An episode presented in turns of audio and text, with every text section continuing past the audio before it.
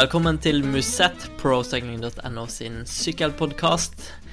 Brosteinsesongen over. Eh, alle opplever et stort tomrom inni seg, eh, men vi må likevel prøve å få gått gjennom eh, Paris-Roubais spesielt, og litt, eh, trekke litt tråder gjennom Brosteinsesongen.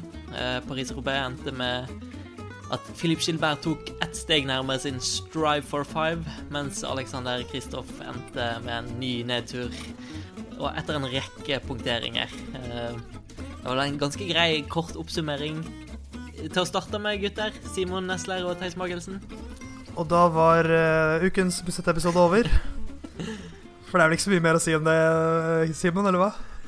Nei, det Rittet skjedde. Det, det, var en dag som ikke det, noe i nærheten Fridtjof Røynås ville sagt. Jo, stemmer. Kalven fra Grimstad. Kalven fra Grimstad. Nei, men det, det, er som du sier, Knut. Det er, sånn, det er, det er sånn stillhet. Det er sånn vakuum som følger etter Paris-Roubais. Det er som når man er ferdig med, med et brosteinsparti og kommer over på asfalten, så er det bare stillhet. Eh, så jeg vet ikke helt hva Sånn som i dag har jeg bare vandret hvilløst rundt i Oslos gater og lett etter noe fornuftig å gjøre. Jeg aner ikke hva jeg skal gjøre med meg selv. Jeg var så, jeg var så sjukt innstilt på at Nils Pollitt skulle vinne. Så når det ja. ikke skjedde, så bare Det var noe som en liten bit av sjela mi døde.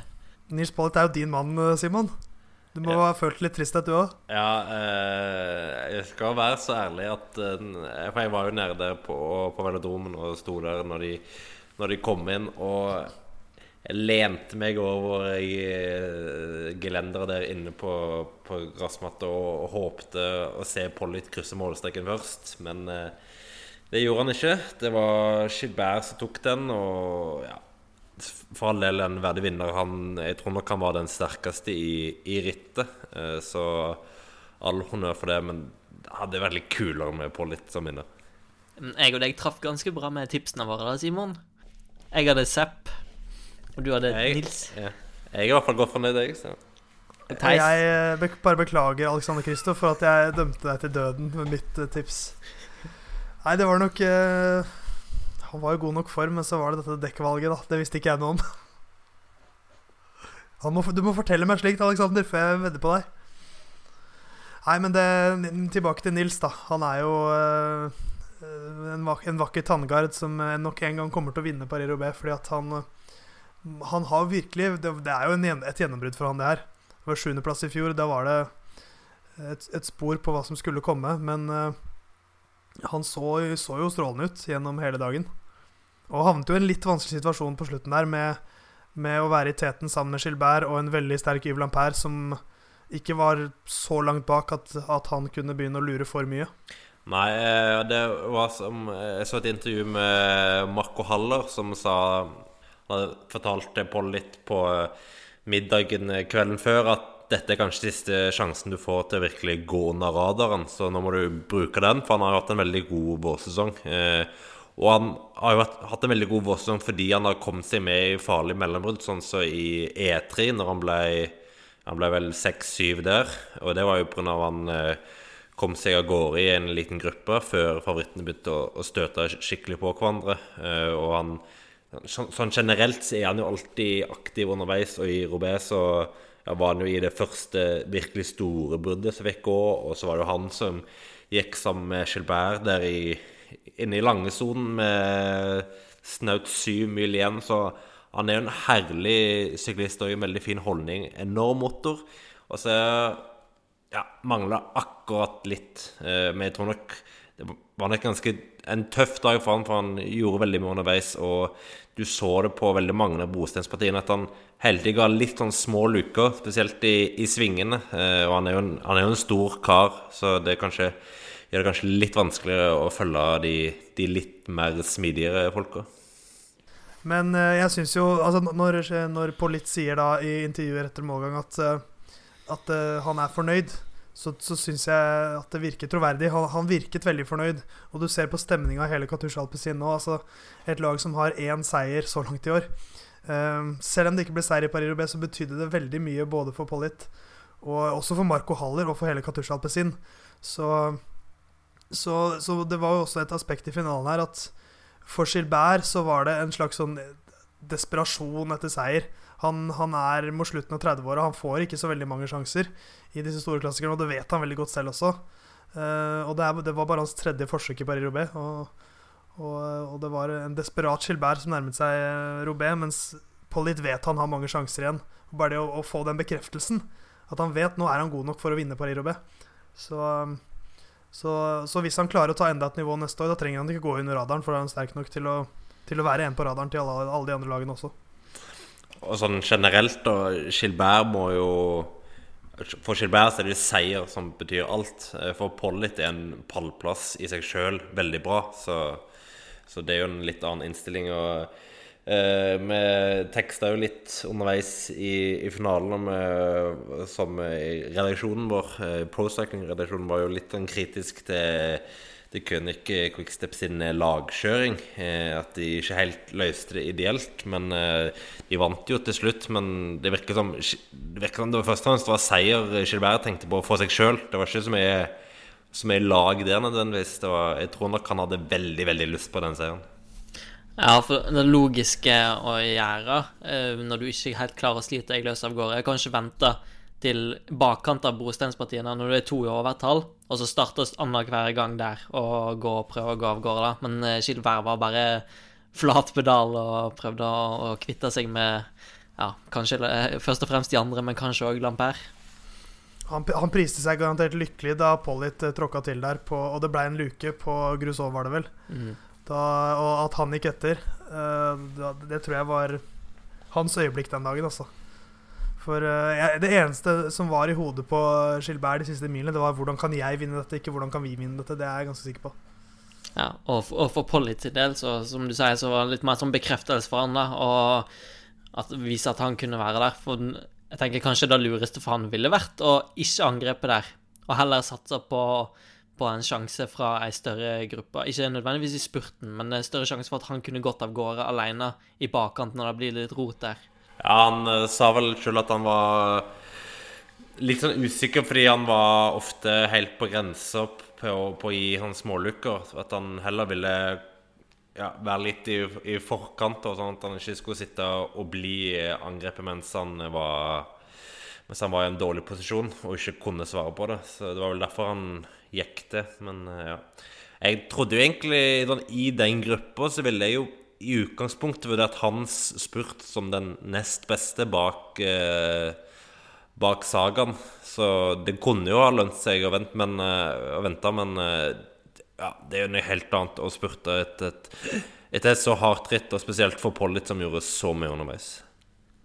Altså kunne jo ting sett Eller en finalen kunne jo utspilt seg veldig annerledes. Eh, hadde ikke Seppen Varke fått girtrøbbel, Uh, Girans begynte vel å tulle seg litt før Grusson på Café Arb, og så Jeg vet ikke om det var på Grusson eller i etterkant, så låste giret seg på nederste giret bak, altså på 11 tanner der. Og han styrte på Jeg tror mekanikeren har prøvd å For du kan låse elektroniske gir kan du låse på et bestemt gir. så de prøvde å finne et riktig gir til han der, da. Men det gjorde han ikke, og så etter hvert bytta han, bytte han sykkel. Men han mente jo sjøl at han hadde kreftene til å å kjøre med i finalen her, da. Ja, han eh, Stakkars, stakkars mann, altså. Jeg, det, jeg, jeg syns så synd på han. Han, eh, han kom i mål, og før han, måtte, før han uttalte seg til pressen, så måtte han jo gråte et par minutter. Så, så det, det, er liksom Etter den andreplassen i, i, i 2013, så hvor han liksom slo igjennom, hvor han var vel 24 år gammel eller noe sånt, og fulgte Cancellara helt til helt til uh, velodromen, så tenkte i hvert fall jeg, og sikkert mange andre, at uh, dette er en mann som kan uh, vinne like mange Paris-Roubais-utgaver som den mannen som nettopp slo han. men han har jo aldri kommet på podiet igjen etter det. det har, han har tre fjerdeplasser nå. Og, og, når han liksom gjør alt riktig etter en vanskelig vårsesong hvor det har vært skader og det har vært velt, og det har vært liksom litt andre ryttere i EF som også har tatt, tatt store seire, så kommer han til Paris-Roubais, sitter med i finalen, har egentlig gjort alt riktig, for han kjørte jo et fantastisk ritt. Og så er det sykkelen som svikter. Han er jo litt sånn eh, klassikernes svar på Richie Porter eh, i Grand Tour-sammenheng. Sånn helt ekstrem fysisk motor. Eh, sånn mann mot mann på en vanlig dag i en brostensbakke eller et brostensparti, så hadde han kanskje vunnet ja, av ti ganger, da. Uh, mens i ritt så bare klaffer det aldri. Og han vant et newsblad i 2012 når han slo Born i spurten der. Men merittlista etterpå er ganske tynn. Han vant uh, GP Impanis vant PTGM i 2013, etappe i Tour of Norway 2014, etappe i Tour of Alberta 2014. Uh, vant Sterset Tour sammenlagt etter etappeseier på den fjerde etappen i 2016. Eh, poengkonkurransen i Østerrike rundt i 2017, og så første etappen i Hot Var i år. Det er jo ikke en Palmare som står i stil til uh, hans fysiske kvaliteter, da. Altså, han, er, han er jo en sånn notorisk ikke-vinner. Uh, og, og, det er sånn I sykkelsporten så er det få ting jeg liker bedre enn å se, se Sepp van Marke kjøre på brostein. Uh, det er liksom han, han, han, han, har en spisskompetanse der som er helt enorm.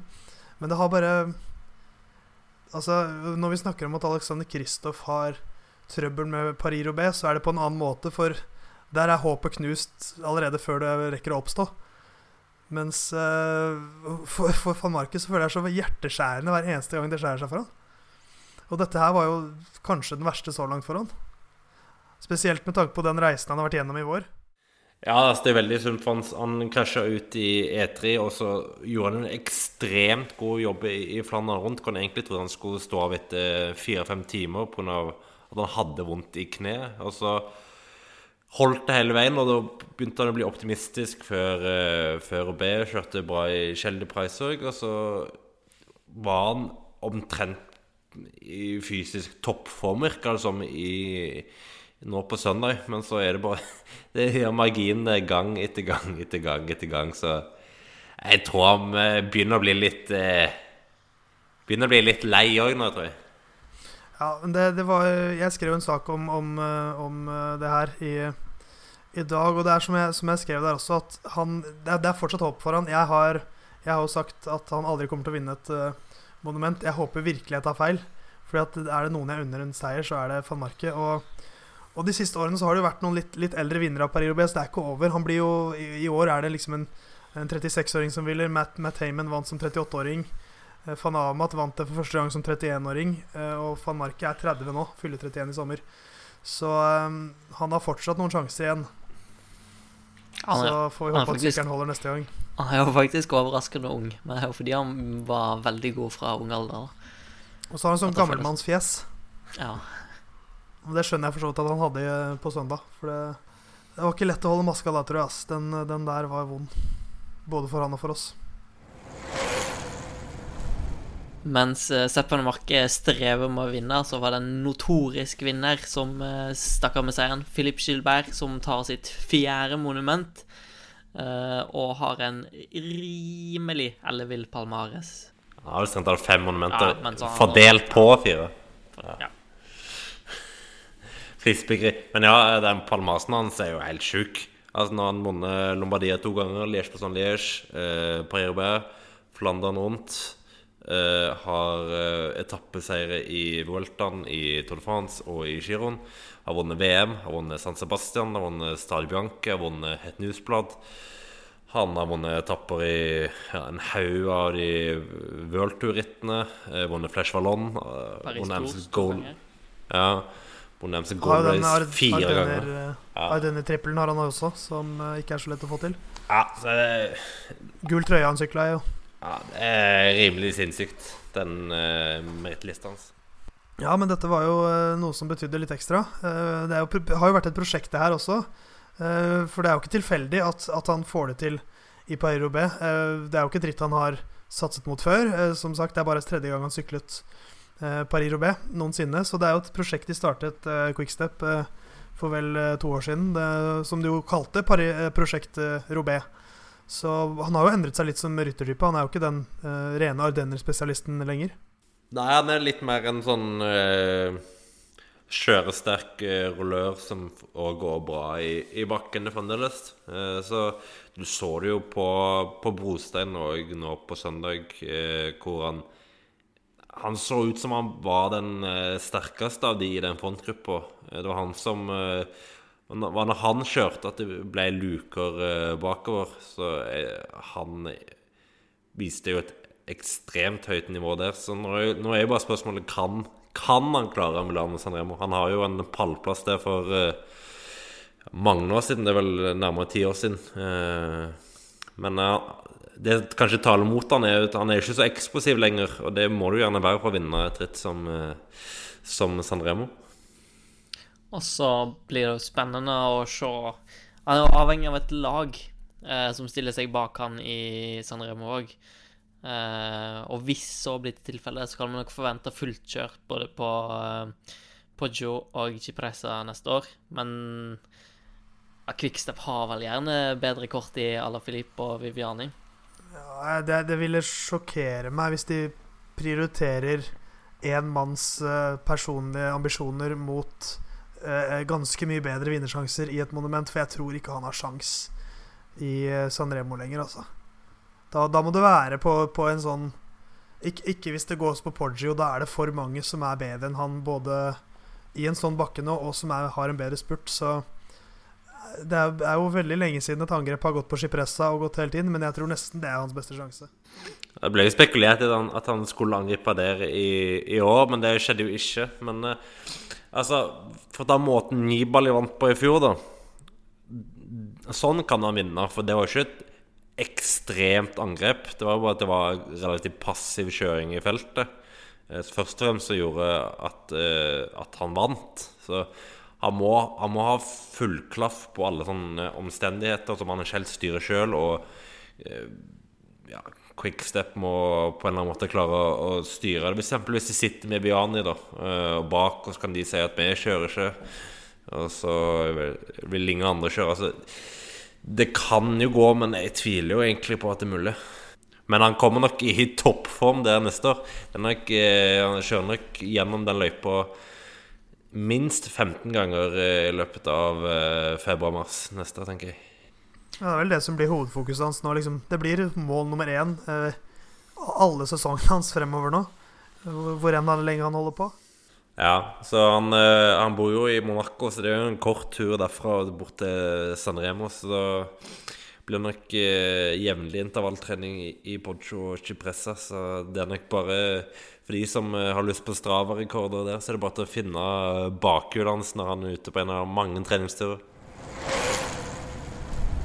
Alexander Kristoff og eh, forbannelse var heftig nevnt gjennom uh, uka i norske medier uh, foran Paris Sorbet, og uh, ja slo, slo, fint til igjen den. Uten at det kanskje ikke var en forbannelse denne gangen. Ja, Var det forbannelse, eller var det en, en dristig bløff? Han ble jo spurt etter rittet om det var på en måte dette fortsatte forbannelsen. Det sa han jo nei. Det var, var ikke noe uflaks. Det var bare en, en, eh, en gambling som gikk feil. Og det Ja, det var det òg. Eh, det var Jeg forstår at han prøver på det, fordi han har aldri Han har aldri helt følt seg veldig bra i RB. Og han har jo alltid hatt en kjørestil hvor han kjører der det er òg mest uh, størst risiko for punkteringer og sånt. Uh, så han har alltid tatt litt kalkulerte risikoer i det rittet. Nå tok han den, sin hittil største kalkulerte risiko. Det gikk jo, det gikk jo skeis. Det var jo tre punkteringer eh, relativt eh, kjapt. To før A-mage, én etterpå. Og så bytta han sykkel, men da var han jo langt bak. Så var det jo håpløst. Eh, så det ble ikke noe slangeløst til neste. Nei, For de som ikke vet hvordan det fungerer, så altså slangeløst, sier seg litt sjøl det er uten slange. Og så ligger det en form for guffe inni det. Eh, så hvis du punkterer, så blokker den eh, eh, hullet, eller punkteringa, i, i, teorien. Ikke alltid det funker, men på vanlig vei så fungerer det i hvert fall veldig bra. sånn at hjulet ikke blir helt flatt, og du kan liksom berge litt og sykle litt videre. Sånn at du ikke Hvis du punkterer midt i Arnbergskogen, og ikke miste all lufta, så klarer du liksom å komme deg gjennom uten å, måtte stoppe og vente i flere minutter på bilkøen. Uh, men aldri Det er vel ingenting som tilsier at folk har testa det i Paris-Roubais tidligere. Uh, og Kristoff gikk inn der som en liten prøvekanin i rittsammenheng og gikk litt skeis. Og så vidt jeg har forstått, uten at jeg har verifisert det, så sykler han på 25 mm òg. Uh, og uh, standarden har etter hvert blitt 30 og 28 millimeter. Uh, så ganske betydelig mye mindre enn en de andre. Ja, men Det er rett og slett fordi sykkelen eh, tar ikke større. Var det han sa til meg eh, i går, at eh, hvis han skulle Hvis han skulle hatt eh, Det er bare plass til 25. Ja, det er jeg litt sånn urutinert. Altså, Så- jeg, jeg, tror, jeg tror samtlige i det feltet er, er på 28 eller 30. Kanskje utenom UAE. Ja, jeg- har Colnago en jobb å gjøre. Ja, det er det sikkert. Så, nei, men uh, han har jo kjørt på det i, i Flandern, uh, i de rittene der. Vant på det i Gent Wevelgem og ble nummer tre i Flandern rundt. Så han har jo hatt suksess med det. Så jeg forstår at han, at han vil prøve på det videre. Men det er jo det er som eh, Alan Piper sa her etter rekognoseringen på torsdag, at brosteinen her i, i Frankrike er jo Eller brosteinen i Belgia er som en autostrada i forhold til brosteinen i Frankrike. Og det er jo virkelig stor, stor forskjell. For i Belgia er det, i Belgia er det jo i hovedsak ganske fint lagt. I, på diverse strekkene i Paris-Roubais er det jo ille. Ja. Eh, og hovedproblemet for Christopher Høy var jo at med en gang han havner bak i feltet, så ser du ikke bosteden på samme måte som når du kjører rekon- rekon- øh, rekognosering. For da, da har du mulighet til å se Ja, da kjører du jo mer eller mindre alene.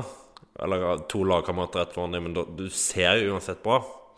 Når du har 30 stykk foran deg, så ser du ikke på samme måte. Og det var det de virkelig ikke hadde klart å få testa på forhånd. Da hadde de jo klart å hatt en sånn type rittsimulering på forhånd, så tror jeg de hadde klart å funne ut at det var en dårlig idé. Men eh, nå ble det en prøvekanin, og det ble en feil. En ting er jo at brostein er mye finere i Belgia, men en annen ting er jo at du sykler oppover og har mye lavere fart og får mye mindre hjuling av brosteiner. Ja, sant. Ja. Nei, men det, man må ta noen sjanser noen ganger. Eh, Det er jo et ritt han aldri har funnet flyten i, så kanskje han tenker at hvis jeg prøver noe helt annerledes, så kanskje det er løsningen. Eh, Spesielt siden det da har, har gjort, gjort gode resultater for han tidligere i vårsesongen, selv om da Robert er noe annet. Jeg stusser litt på. Altså, han har jo uttalt at han Ja, altså, utstyrsfokus er liksom ikke noe som treffer han helt, og han føler liksom at han sykler fint på den sykkelen han sykler på ellers. Men alle andre, altså ja, så godt som alle andre sykler på sånne spesialsykler med tjukke dekk, eh, mens han velger å sykle på sin vanlige sykkel med betydelig smalere dekk. Og en ting er at du kanskje føler at uh, Han sa jo han følte seg som et geni i starten. Uh, og de Et brosteinsparti, var det vel? ja. Og, og de andre årene, liksom, han, sier, han sier at Og når han hadde rekognosering i januar, så sier han liksom at han følte at det gikk best på den sykkelen han alltid har valgt, og oppsettet han alltid har valgt. Det er liksom forskjell på sykler rekognosering 100-150 km, da. Og hvis du ser da opp mot fordelen av å sykle 260 km på en spesialtilpassa sykkel Jeg, jeg, jeg, jeg syns det er veldig lite ja, det er veldig masse surr med det utstyret. Og jeg vet ikke om han er for lite villig til å faktisk prøve, prøve et skikkelig oppsett. Jeg, jeg tror det handler om at han, han er veldig opptatt av å ha noe som funker på slutten. Hvis du forstår hva jeg mener. Altså, han vil ha Ja. noe Han vil ha noe som gjør at han vet at i en spurt nå så har jeg så bra utstyr at uh, jeg kan nesten gjøre hva jeg vil. For altså hadde han uh, Han sier jo at han lå på rundt 50 watt mindre i, i snitt enn Bystrøm de første 100 km der. Så han, han har jo spart mye krefter på det der det er fin asfalt. Eh, og han hadde jo sannsynligvis òg da kunne gjort det veldig bra hadde han sittet med en gruppe inn den siste milen og der det er asfalt. da hadde sikkert gjort det ekstremt bra og kunne bare hatt en mindre watt kontinuerlig fordi han er på et mye bedre utstyr på asfalt. Men når det er 50 hva er det, 54,5 km med brostein, så er det jo såpass mye at en må jo begynne å stille seg spørsmål om det er verdt det. Eventuelt, så- eventuelt så kan du jo faktisk prøve å, å kjøre de første åtte-ni milene med, med den sykkelen og så bytte. Litt sånn som Contador gjorde Ja, og det tror jeg Sagan har gjort ved en tidligere anledning òg. ja. Jeg, jeg, jeg tenker liksom at det virker liksom han ser seg litt blind på følelsen han har på sykkelen. Fordi han sier liksom Ja, det er bra på brostein, men så kommer jeg på asfalten, og så føler han at det ruller veldig dårlig. Men det er jo likt for alle. Sånn, sånn Den følelsen har jo alle de andre òg. Men fordelen av å sykle på breie dekk og en spesialtilpass- spesialtilpassa sykkel på brostein, over 260 km og med 55 km brostein, er jo ekstremt store. Altså, det er jo eh, Det de har gjort med å bruke bredere dekk og spesiallaga rammer, har jo på mange måter revolusjonert de rittene, da. Og sånn rytterne kjører de. Det jo, må jo være vanskelig å forestille seg hvordan det var før i tida, når de sykla på 23 mm og knallharde rammer og, og sånt. Nei, det er, det er eh, Jeg tror han må stikke fingeren i jorda og prøve et år med liksom altså hvorfor, hvorfor, ikke gjøre som de, beste, de som er der i teten år etter år? Da må de gjøre noe riktig.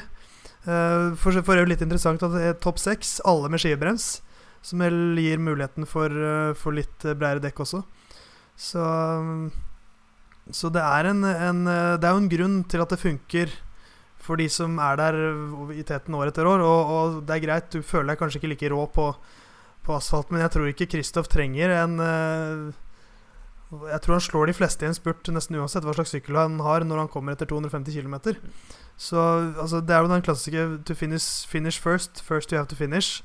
Uh, with the first kan man vel si, i det rittet her. Og, og han må jo være i Robé for at det skal være noe poeng å ha en, eh, en sykkel han føler seg bra på. Mm. Det er ikke noe vits å ha en rå sykkel hvis du blir nummer 50. Og når han først uh, er villig til å gamble med å kjøre på sånn, et sånt oppsett i år, så bør han i hvert fall være villig til å gamble med å kjøre med et skikkelig oppsett neste år. Og her prøve å legge den følelsen uh, på sykkelen litt til sides. Mannen som vant i fjor, Peter Sagan, klarte ikke å forsvare seieren. Uh, har hatt en relativt uh, ja, eh, tynn vår, men satt med i finalen og virka overraskende pigg, egentlig. Uh, inntil det sa bom stopp. Og virkelig stopp, sa han òg. Ja, det var Det er litt som, som det er med Sagan, syns jeg. Det er sånn Enten så er han helt rå helt inn, eller så sier det bare sånn 100% stopp. Og da blir det ikke noe i det hele tatt. Men, eh, ja, det var sånn veldig, han, eh, veldig visuelt bilde av å møte veggen. Det var bare sånn OK, ja. nå, nå, er jeg ferdig. Der var det ikke mer igjen. Men, men han får jo allikevel sin nest beste prestasjon i Paris-Roubaix noensinne, med, med, en femteplass. Jeg føler at sånn Han sleit jo lenge med, med det rittet her, så sånn taktisk sett føler jeg at han har knukket koden. Mens nå var det rett og slett bare ikke kroppen som, som var bra nok. Ja, altså han, eh, han gjør jo mye rett. Det er jo han som uh, gjør mye av jobben i den gruppa som kommer av gårde. Han uh, var riktignok van Ert som støta først av de, men han støta jo etter og kom seg opp, og kjører egentlig veldig bra helt fram til Helt fram til Gruson, da, uh, hvor det begynner å si stopp. Og det er han nok litt har nok litt med den sykdommen å gjøre. Den har nok gjort at han er litt redusert inn. Det var samme så i Flandern. Der òg så var han egentlig ganske død på Kvaremont og Paterberg. Hang med, men langt unna å gjøre noe som helst der. På sitt beste så hadde han jo vært i front der. Så det er den siste halvtimen han mangler i beina nå, virker det som. Sånn. Altså, Et moment her er jo at han har planer om å sykle Liège og prøve seg eh, der. Eh, selvfølgelig Sykdommen har jo naturligvis satt han litt tilbake. Eh, men så hadde han nok i utgangspunktet gått inn for en litt seinere formtopp òg. Ja, jeg syns han er på stigende form òg, så sånn sett så kan det love bra. Eh, og ja, han ser nok en god mulighet i Liège, sånn Liège nå som de endrer løypa, så den den eh, bør være en god mulighet for han. Så det er jo en, kanskje en mulighet han ønsker å gripe, spesielt nå første året etter at han eh, legger om ruter. Da vet han ikke helt hvordan det kommer til å gå, så det er kanskje den største sjansen han får sånn sett. Så da må du gripe det. Men sånn alt i alt, eh, hvis vi fletter inn eh, Greg van Avermaet her òg De to har vært liksom veldig dominerende siste, siste årene. Men begge to går uten noe seier i i vår. Det eneste de har vunnet, er Sagan vant etappe i Tour Down Under, og Fernando vant, vant etappe i Valenciana. Eh, men ellers har det vært ganske tynt for begge to. Det har det. Eh, Van Avermaet har jo ikke vunnet en klassiker nå siden han vant Paris-Roubais eh, for, for, to år siden, så det har vært en lang klassikertørke for han. Og hva skal man si, hva er det han gjør feil i året? Han har jo liksom, Jeg syns han har vært stabilt ganske god. Eh, et lag som kanskje er litt svakere, gjør at han må gjøre litt mer selv. Eh, han er jo en veldig markert rytter fortsatt. Eh, og så tror jeg også det er det der at nå er nivået så jevnt At hans taktikk med å kline til er liksom ikke bra, nok lenger. Jeg merka når vi spilte inn forrige pod, så sa jeg ganske mange ganger 'åpenbart i god form'. jeg kan, jeg kan Ja, bruke han har det jo ikke igjen. vært, han har jo ikke Ja. vært dårlig. Nei, altså, han er jo åpenbart i godt slag, eh, men han har tynt lag, ja. Og så i Manøvrene han gjør, er sånn veldig eh, merkelige. Vel, ekstremt dårlig timing i, i vår. Og det ble spesielt tydelig i, i går, på søndag. Uh, når først han bare slipper den gruppa av gårde uten å agere, og når de eh, sek, altså så seks år sterke ryttere går av gårde eh, Kanskje blant ja, i hvert fall blant de sterkeste favorittene antatt på forhånd. Uh, og sitter han veldig lenge og bare venter før han gjør noe. Og når han først gjør noe, så går han til på et veldig merkelig tidspunkt. Han går til nesten fra front, og det eneste han klarer å å gjøre, er å dra med seg gruppa. Uh, og så virker det å bare bli veldig stille igjen, før han kliner til litt på Carrefour de Larbre, men da er det jo altfor seint, og så blir han nummer nummer tolv til slutt.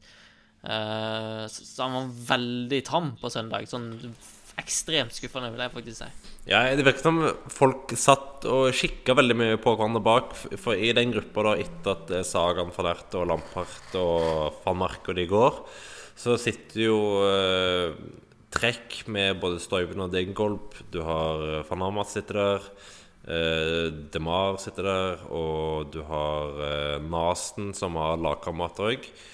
Uh, men det er jo ingen som helt klarer å gjøre noe. Eh, altså etter Mons and Pavel, som er da partiet etter partiet som Sagan de støtter rett rett foran, så rundt 6-7 km etter at de støtter det, kanskje. Eh, åtte, kanskje. Ut, utgangen der, så, så var de Stoiven sa først ut av feltet, da. Det var 37 sekunder bak. Mens van Amat og Nasen er liggende i en gruppe bak der igjen. De Ja, var jo altså- ikke i nærheten av å, å være med når det skjer. Og selv om akkurat når sagaene de angrep, så satt de ok plassert, men bare lot det skli. Fordi van Amat trodde at det her var for tidlig, har han sagt etterpå. Det er jo litt merkelig når Sagan omtrent angrep på samme tidspunkt i fjor, og dette var et tidspunkt hvor de en av få ganger i rittet de hadde en mer ren sidevind slash medvind. Så det var mye mer gunstig for angrep til å begynne med.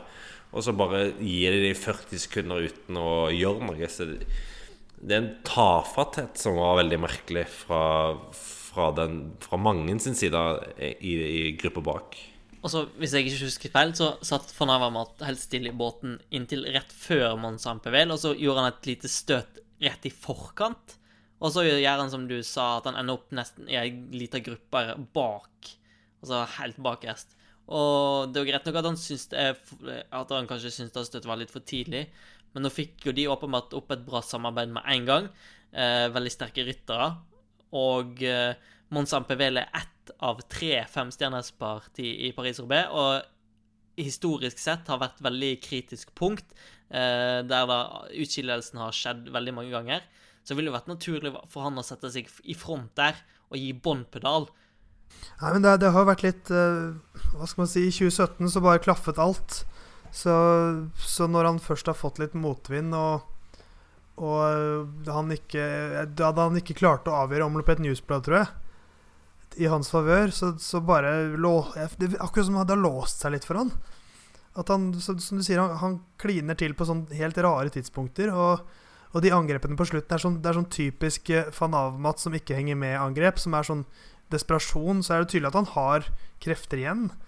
Men, eh, men han Spesielt, som du sa, Knut, at det skjer på Eller du, Simon, at det skjer på ganske likt sted som i fjor. Så ja, det er en sånn vanskelig sak å forklare, altså hvorfor eh, han, sykler som han gjør.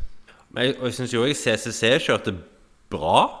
De var med i bruddene underveis. De var ganske mange eh, fremdeles eh, nær van Avermaet eh, når angrepene begynte å gå. De satt vel med en og annen mann der ganske langt inn i, inn i det man i hvert fall kunne kalle en prefinale, om ikke finale. Så jeg syns SSC kjørte bra som lag. Han kan ikke si at støtten var for dårlig der heller. Så Det virker som han mangler litt som han mangler litt fysisk.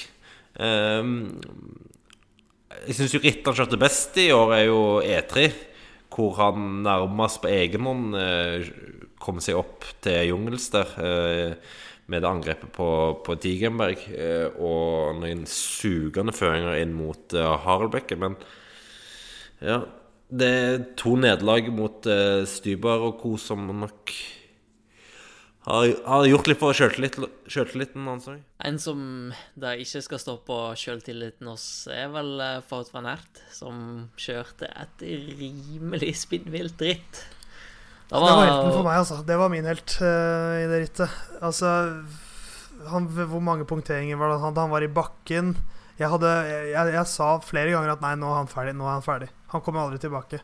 Og at, at han sitter med så dypt inn i finalen han henger med i tetgruppa der. Han så lenge ut som han, han, la litt press på på Brostein også. Så blir han om 22 til slutt og er jo helt gåen når han kommer i mål. Men eh, Nei, for meg bekrefter han bare hva slags klasserytter han er. For han er en enorm motor han har. Fy søren. Fy søren, så deilig han var over brostein. Det var prima. Han er liksom Det, det er de to, de to store what ifs denne brosteinsesongen, syns jeg, er van der Poel i i Flandern rundt hvis han hadde unngått uhell, og Wat van Ert i Paris-Roubais hvis han hadde unngått uhell. Altså, det var liksom som et uh, et lam som har kommet bort fra flokken når han drev og surra rundt med de punkteringene.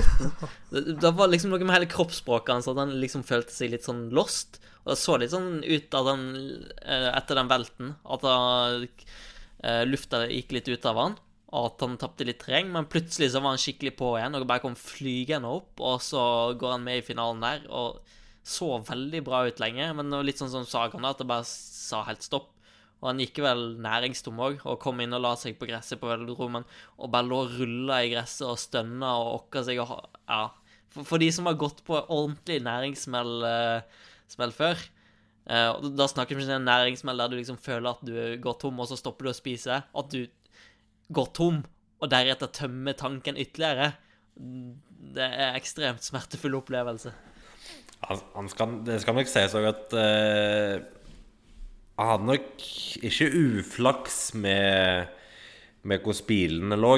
Uh, han, fikk nok en del hjelp opp av de, selv om han òg måtte kjøre litt uh, sikksakk til tider. Men uh, en kunne jo, i hvert fall etter velten, kunne en sikkert forsvart og lagt uh, at det er barrasje der, men det skjedde jo ikke. Så han skal nok litt flaks der, men han kjørte jo fryktelig bra.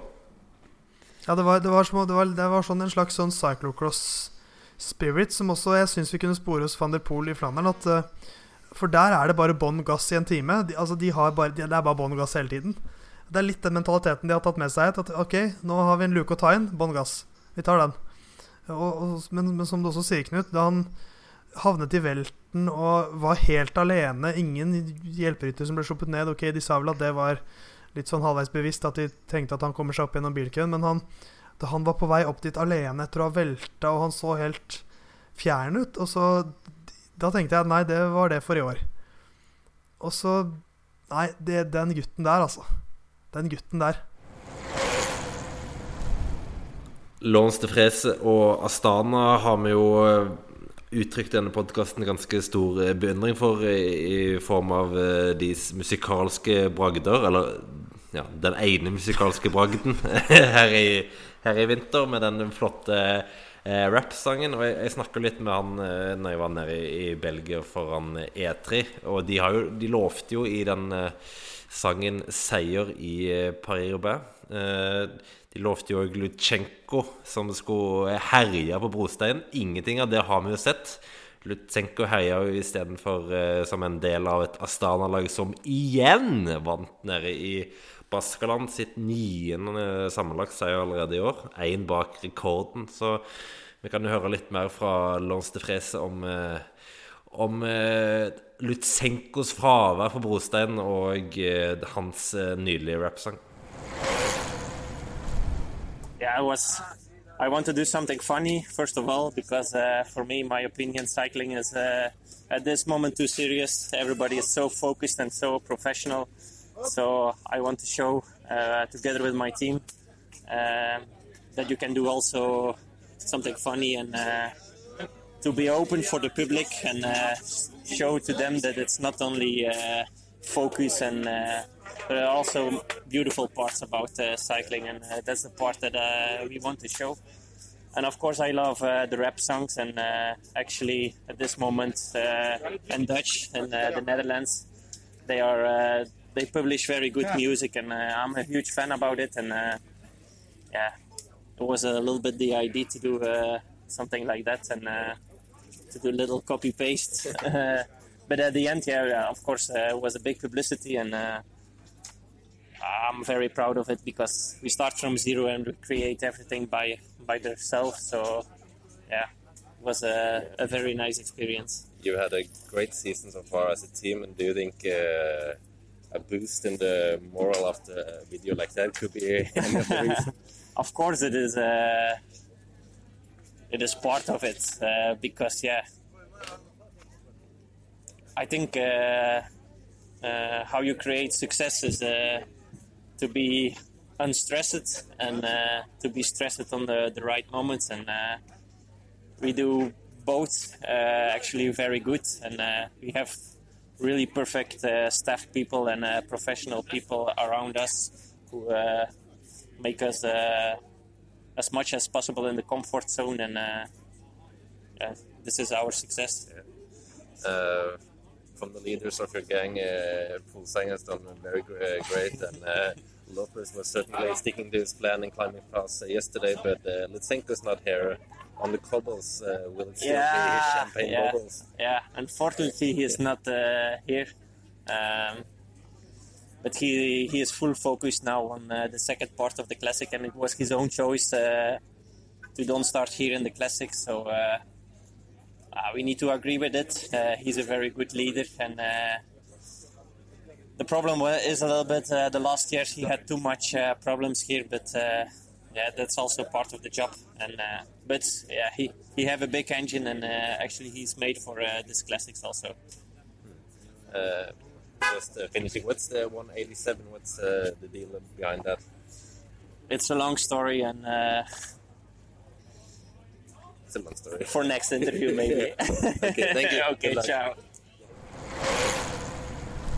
Når vi først er litt inne i ja, brostein, eh, Flandern og litt diverse eh, Simon lovte oss at vi skulle få en KLM-tirade. Så den kan vi jo fortsette med før vi hopper videre i podden. Eh, podden.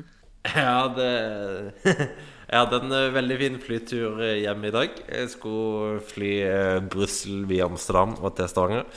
Og flyet fra Brussel var av uvisse grunner én time og et kvarter forsinka avgang. Så da rakk jeg ikke eh, flighten i Amsterdam. eh, selv om det er en tullete, håpløs, eh, tullete kort flyvning. Det er satt av en time. De fløy rundt 20 minutter. Eh, Så de har jo mye marginer her, men det hjelper jo ikke når du er en time og et kvarter forsinka. Det er helt håpløst. Da landa jeg jo ti minutter før flighten min til Stavanger. Og da, du, da ble jeg booka om via Torp. Måtte bare vente på Amsterdam i to timer. Fikk en eh, voucher for fem euro som jeg kunne kjøpe mine snacks med. Og så skulle jeg vente i Torp i nye timer der på verdens hyggeligste flyplass eh, før jeg fløy til Stavanger. Totalt fem timer forsinka. Kjempedag.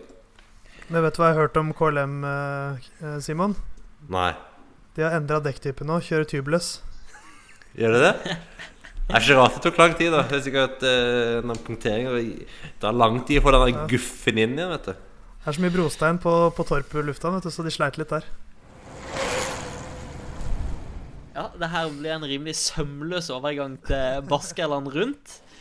Eh, Vi rei reiser videre i reisepodkasten til eh, Baskerland rundt, hvor eh, ja, Itzolia Basque Country, som vel er det offisielle navnet nå, har blitt sykla denne uka.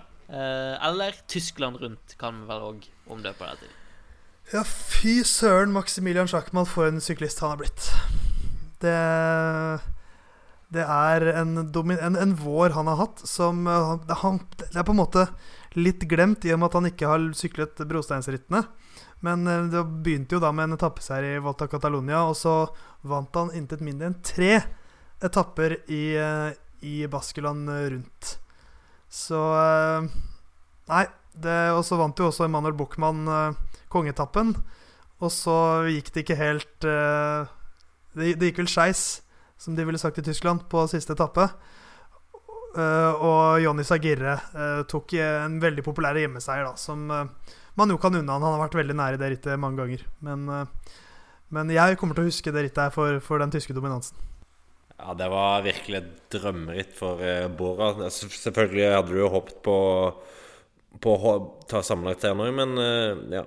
De har et lag som presterer veldig bra nå. Det er egentlig litt Sagaen som den som underpresterer litt. For når du får mål og vant en etappe i Catalonia, Sjakkmann vant en etappe i Catalonia eh, Sjakkmann vinner tre etapper her, og Buchmann vinner en etappe. og Bennett har kjørt kjempebra så langt i år. Eh, Ackermann har jo tatt et par seire. Så laget generelt ser veldig bra ut uh, nå for tida. Det er ganske fett at det er Sjakkmann og Bennett som har flest seire. Det hadde ikke jeg gjetta før sesongen. Altså Bennett er én ting, men at Sjakkmann er den rytteren med flest seire i bordet, det er jo ganske kult. Jeg nevnte det vel i en tidligere poddag at uh, så, sånn det er nå, så har Båra 15 seire i år, som er ganske solid. Ikke så langt bak uh, Hvor mange er det? Astana har 22 nå, og Quickstep har kanskje 21? 22, var det ikke? Nei, ja, kanskje Jo, 22 med Skjelberg. OK, ja. ja. Men Bora har 15 én av sagaene, og så er det de 14 andre fra andre ryttere. Og jeg tror jeg sjekka òg at i fjor så hadde de 33 seire. 33 stemmer. Ja, og sagaen sto for ni av de, tror jeg. Ja, for det, det er jo det som er så rått, at de har de har så mange seire som de har uten, uten Saga. Når det er, på, mm. det er på ganske høyt nivå også. Det er mye worldtur. Så det er faktisk bare fire av de 15 som ikke er på worldtur-nivå. Og det sier jo litt om, om hvilken setting de seirene har kommet med. Så selv om det ikke ble noen uh, store klassikerseiere, så, så har de noen veldig, veldig spennende ryttere, altså. Det er, det er, som vi også har pratet om en del ganger nå. Man tenkte at ok, det her er sagaen pluss noe uh, grums. Men uh, de har jo virkelig mange lovende ryttere. Altså, Sjakman er bare 25 år gammel. Alle, alle de som står med øvrige seire, som altså Emmanuel Buchmann, Sam Bennett, Pascal Akermann, uh, Davide Formoy og Maximian Schackmann. uh, er jo alle ganske spennende ryttere. De, altså, de er, på, de er, på, vei Alle er på vei opp i karrieren, liksom. Mm, og så har du òg eh, eh, Patrick Konrad og Felix Groschartner, som jeg òg syns eh, tar steg, så mange eh, Det er mye bra som gjøres uh, i Båra, og mye bra sånn Denne tysk-østerrikske delen av, uh, av sporten som er på jobb. Buchmann vant, altså den femte etappen, kongeetappen i rittet til Arate. Og leder foran den siste etappen, men ble angrepet fra alle kanter omtrent halvveis på etappen. Eh, så gikk eh, Adam Yates, Jakob Fuglesang, Jonis Agire, Dan Martin, Tadej Pogacar var de, Ja, det var vel de fem som gikk av gårde. Eh, og Sjakk, nei, Buchmann satt litt isolert igjen og måtte vente litt på noen lagkamerater. Og, og makta aldri helt å, å, komme seg tilbake. og ble etter hvert tydelig at han kom til å miste sammenlagsseieren til Ionis Agire. men så ble det litt dramatisk på, på oppløpet òg, Simon. Ja, han uh, fulgte rett etter motorsykkelen, og motorsykkelen uh, svingte jo av med sånn 300 meter igjen, som de jo ofte gjør. Uh, mens Buchmann fulgte rett etter og måtte snu. Tapte nok en sånn 10-12-15 sekunder på det. Og havna da først på fjerdeplass, uh, fire-fem sekunder bak uh, Fuglesang på tredjeplass. Og hva var det? Sånn, ja 15-16-17 sekunder bak uh, Bak uh, Yates på andreplass. Nei, Daniel Martin på andreplass, var det vel. Uh, men det ble jo omgjort, for det var jo mange som protesterte, mot, protesterte på dette. Og da fikk Buchmann noen sekunders avslag på tida, som gjorde at han eh, passerte Fuglesang, ble nummer tre. Og Fuglesang ble jo mildt sagt lynings, som de ville sagt. Eh, og lovte jo at han aldri kom til å sykle det rittet igjen. Fordi han mener at eh, i UCI-reglementet så står det jo egentlig ganske klart at det er rytterens ansvar å følge og kjenne til ruta, og at en skal ikke bare følge etter kjøretøy og sånt helt Helt naivt. Nå kommer jeg ikke på ordet jeg lette etter, men Ja, det er, det er ikke nok å si Det var ikke det jeg hadde tenkt på, men det, er ikke nok å bare Ja, blind, kanskje. Det er ikke det, Jeg er god på blinde, blinde folk. Ukritisk, ukritisk var det ikke lett etter. Men ja, så reglementet tilsier jo egentlig at uh, Buchmann gjør en feil, og at han ikke skal At han ikke skal få noe reversert uh, tidsfortjeneste, holdt jeg på å si. Så jeg forstår godt Fuglesang, så får vi se han dukker sikkert opp neste år. Ja, så er det den, så er det den klassiske Hva hadde han sagt hvis det var motsatt? Eh, det er, det er, selvfølgelig veldig bittert når, når, det er tredjeplassen som ryker, og så blir det fjerdeplass isteden. Men, eh, men for, å, for å se litt på Buchmann, da. Altså det er jo et, et, slags eh, Ikke bare slags, det er jo et gjennombrudd for han, det som skjer i Baskeland. Selv om det ble ikke sammenlagt seier, så tar han sin første World Tour-seier. Han er på podiet i et worldtour-ritt for sammenlagt for aller første gang. Så enda en rytter da i, i Bora som har en karrierestige som peker oppover.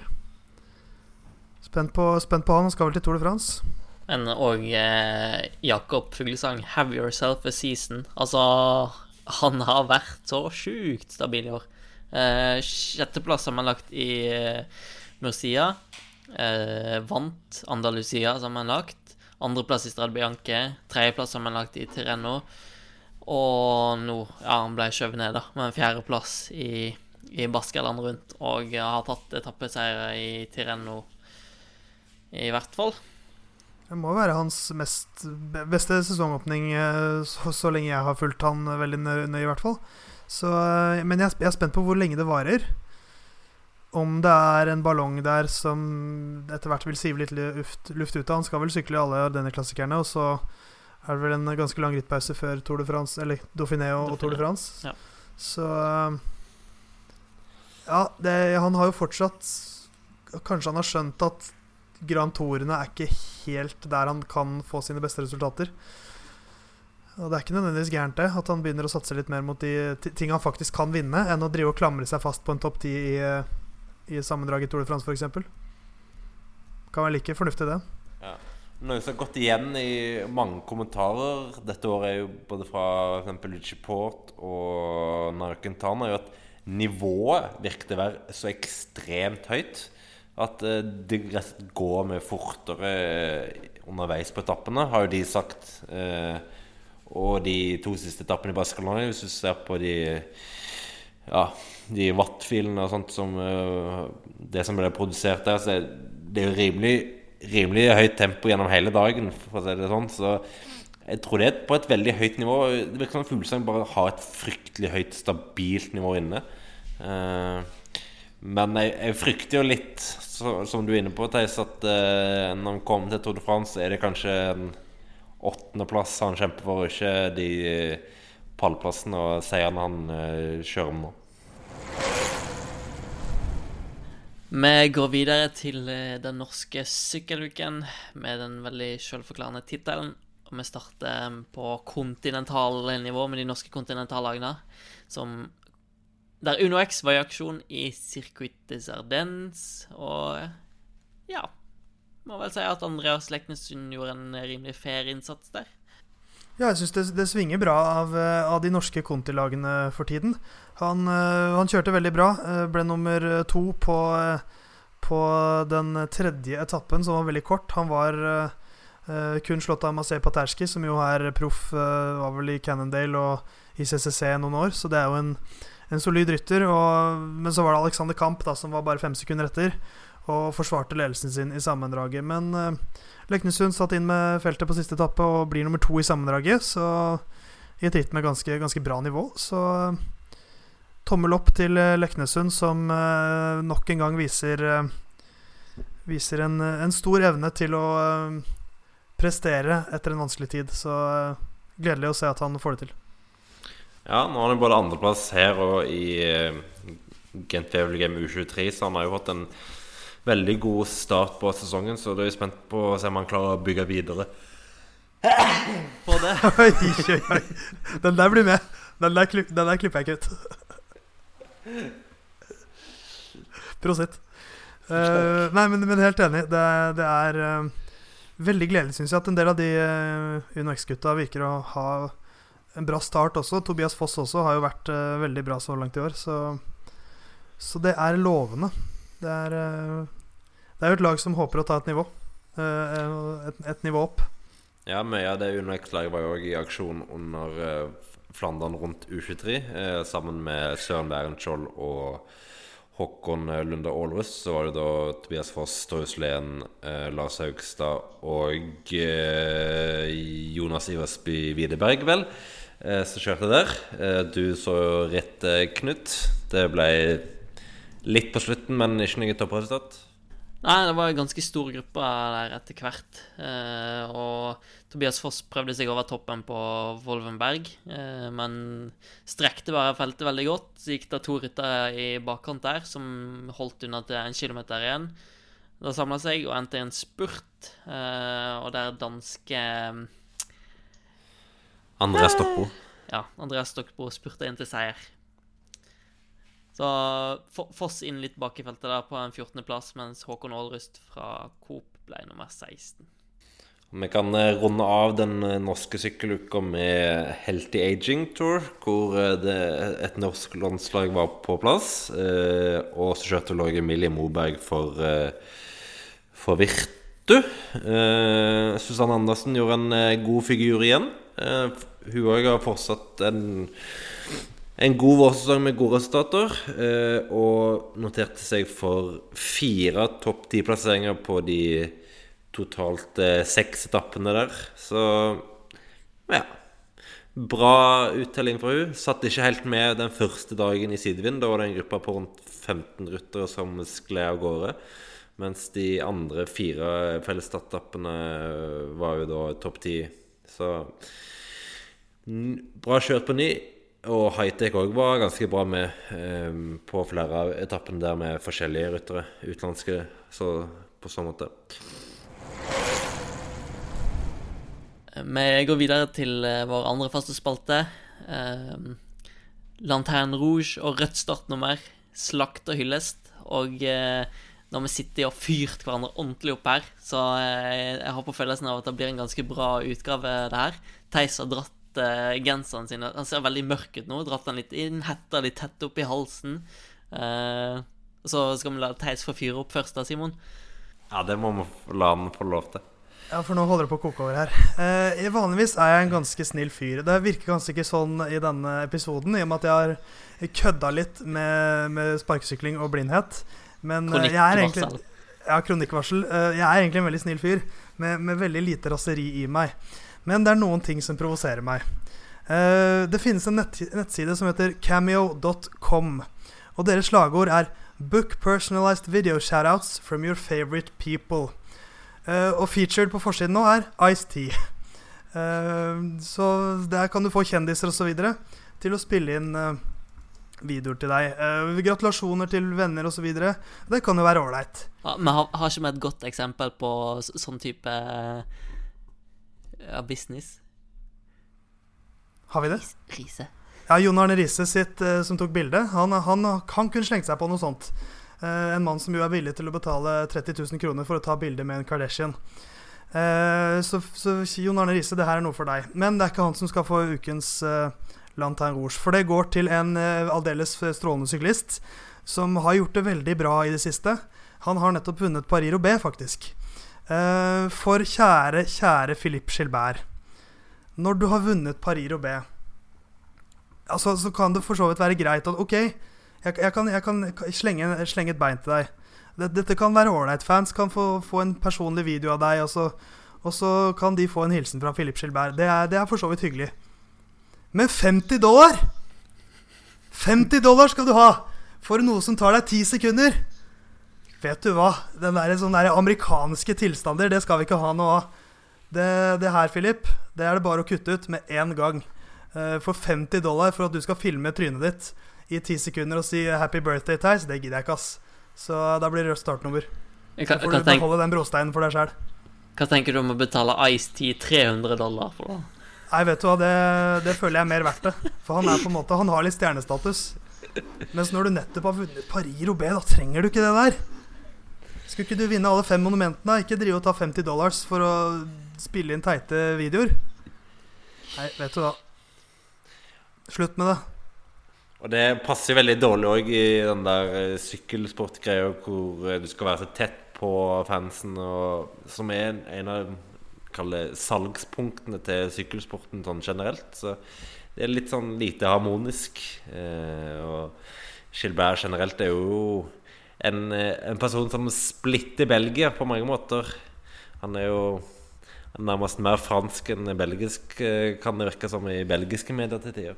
Men, men tenk, tenk det, hvis, hvis eh, jeg gikk bort til Alexander Kristoff eh, og, og spurte han Du, Alex, eh, onkelen min er jævlig fan av deg. Eh, har du lyst kan du spille inn en kort beskjed hvor du bare sier gratulerer med dagen? Og så svarer Alex jeg skal ha 400 kroner for det. Det er jo helt absurd. Kan ikke holde på sånn, Philip. Alex hadde gjort det, for han er en fin fyr. Gilbert, du må slappe av. Jeg, mens Theise slakta litt her, og jeg uh, smilte godt med han uh, på øret, så gikk jeg inn på Cameo og ser litt hva, hva folk det er du kan få hilsen av. Og hvis du vil uh, ja, kose deg litt og fnise litt, så kan du gå inn der og se det. Men Paris Hilton får du faktisk til halve prisen av Gilbert. Ikke sant? Men også har du òg sånn så eh, har med The Office-fans her. Ja, ja. Ja, Kevin fra The Office. Brian Baumgartner. Han tar 175 dollar! Ja, men, men ikke sant? Hvor, han er jo en enorm kjendis. Men eh, nei, men det, det er også sånn men det, det, Dette handler mer om, som du sier, Knut, denne åpenheten i sykkelsporten. Dette er ikke sykkelsporten. Man skal ikke ta 50 dollars for, å, for, for noe som tar deg 10 sekunder. Han sitter bare i følgebilen og filmer trynet sitt. Nå fikk jeg kred for noe jeg ikke sa, med den talen. Det er jo god timelønn, da. Tenk på den timelønnen. Fy faen. Er det her noe for Musett? Finansiering av uh, podkasten? Jeg kan uh, spille inn sånn tusenvis av de videoene der hvis jeg får eh, ti kroner for hver. Vet du hva, Hvis noen vil ha en sånn greie fra meg, så skal jeg betale deg fem dollar. Vi kan gjerne prøve oss på parodier òg. Vi har nok et par stykker her i hvert fall som eh, kan gå. De får vi spart til en annen gang. Ja. Nei, Nei. men nå tror jeg vi må komme oss Ja. videre. Hvis ikke så koker det helt over hos meg der.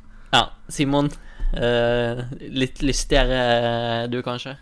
Ja, vi skal òg til Paris-Roubais. Eh, og en mann som har Ja, vi kan si fjoråret og årets ritt var to ganske store kontraster for eh, en eh, viss hviterusser som eh, eh, altså har kjørt nå Paris-Roubais fem ganger. Han har eh, brutt Eller han har ikke fullført, som det står i resultatlistene, tre ganger. Har han 80.-plass, og så ble han i helga nå nummer ni. Eh, en strålende prestasjon av Evaldas Siskevicius.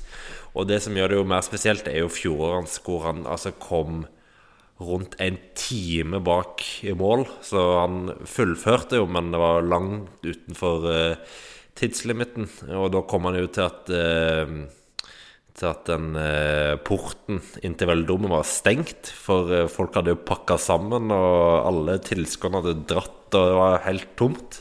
Og Der kom han trillende inn og fikk de til å åpne porten, sånn at de bare kunne ta den der halvannen runden rundt der og få gleden av å fullføre. Og i år altså, så blir han nummer ni etter å ha kjørt offensivt òg på slutten. Så en sterk kontrast til fjoråret, eh, og et strålende resultat. Et av karrierens aller, aller største resultater for han, så hatten av. Det der er så vakkert. Og han liksom sykler en halvannen runden der i fjor. Det er ekte lidenskap, og det er liksom sykkelsporten og betydningen av Paris-Roubais eh, sånn billedlig gjort, da. Ja, nei, det er jo, det er jo et ritt med veldig, veldig sterke kontraster, og det, det kan liksom Det kan straffe deg knallhardt ett år, og så plutselig så finner du flyten. Det er jo, det er jo litt à la Matt Heyman, føler jeg, som vel i, i 08 var helt sist. Eh, en halvtime bak eh, vinneren, ti minutter bak eh, nest sistemann. Eh, det- da var det Tom Bonen som vant. Så går det åtte år, og så slår han Tom Bonen. Så eh, det er, eh, det er et ritt hvor liksom du, du går på noen smeller gjennom karrieren din, men eh, så er det jo vakkert når, når en eh, En slags Edvald-variant, i og med at han nesten heter det samme. Det, det var den beste Edvalden den dagen. Vi kaller han Edvald. Litt av en svar på Edvald Baasen Hagen. Da sier vi oss ferdig med Edvald-vitsen eh, for i dag fra Theis. Og tror jeg vi skal begynne å, runde av en ganske lang podkast. Er det hva, Knut? Jo, jeg tror, jeg tror du koker godt i topplokket til Theis nå, så han får slappe, slappe litt av og komme i, i sitt gode, trygge hjørne og eh, fortelle alle hva de skal gjøre. Ja, Det første er å ikke gå inn på cameos.com. Eller hvis du går inn der, så gi, gi Philip Skjelberg én stjerne. For du kan rangere folk. Nå har du reklamert fryktelig mye på nettstedet som du misliker egentlig ganske mye. Tess. Altså, Hvem tror dere egentlig kom med denne ideen til Philip Skjelberg? Kan det ha vært en viss eh, tabloid fyr fra prosign.no med navn Theis? Nei, jeg skal ikke ta på meg æren. Du kan jo eh, vurdere å sensurere alle ganger du sier navnet på nettsiden. Det er jeg som er gründeren bak cameos.com, jeg må nevne det. Nei, men eh, fra spøk til alvor. vi driver jo med podkast. Og iTunes er en viktig side for de som driver med podkast, så gå gjerne inn der og gi oss en rangering, for det syns vi er veldig gøy å se at vi stiger litt på listen og sånt. Eh, stadig flere som gir oss en rangering der. Sleng også gjerne inn en liten kommentar. Og så må du huske å abonnere på podkasten vår der du hører på podkast. Så last oss ned, abonner og ranger. Eh, takk for meg. Mm. Eh, lett tilgjengelig på iTunes, som nevnt. Eh, veldig lett tilgjengelig i Spotify òg. Og hva en eh, app du bruker. Eh, de fleste hører vel gjerne på telefonen sin, så det er bare å søke opp uh, Musett i, i appen din, så skal du, skal du finne oss der. Eh, og så må vi jo anbefale alle å følge med på Eurosport utover uka. Det er vel nevnt her at eh, Tour of Turkey går der, uh, Brabantse Pil og Amstel Gold Race på søndag. Eh, kanskje lov til å håpe på en eh, eh, solid Eiking-prestasjon der. Han virker jo å være i veldig bra form, så det er langt fra umulig.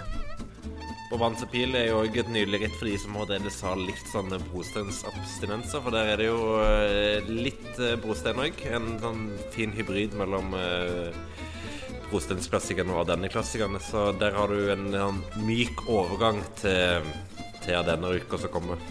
Ja, nei, jeg tenkte på at der vant jo Velens i fjor. Eh, men det er jo sjokkerende seint i sesongen, strengt tatt. Men eh, jeg, vet ikke om han, sykler på onsdag, men da er vel han et eh, godt kort, så folk får se der. Et veldig, veldig fint ritt. Og så eh, er vi tilbake med ny podkast neste uke. Og husk å følge med på procycling.no.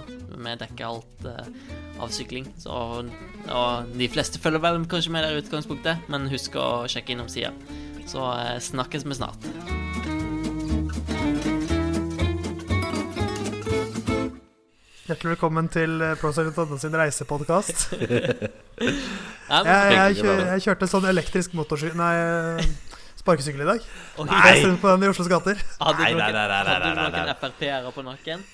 Nei, jeg er ikke noe tubeless der, vet du, så jeg fes bare forbi den. De klarte ikke å ta meg inn. Kjørte du på ned blinde folk? Ja, ja. Jeg bare lukker øynene og kjører til, jeg. Tar dem med, tar dem med, tar dem med sånn neven når jeg går forbi, og så bare De ser meg ikke komme, vet du.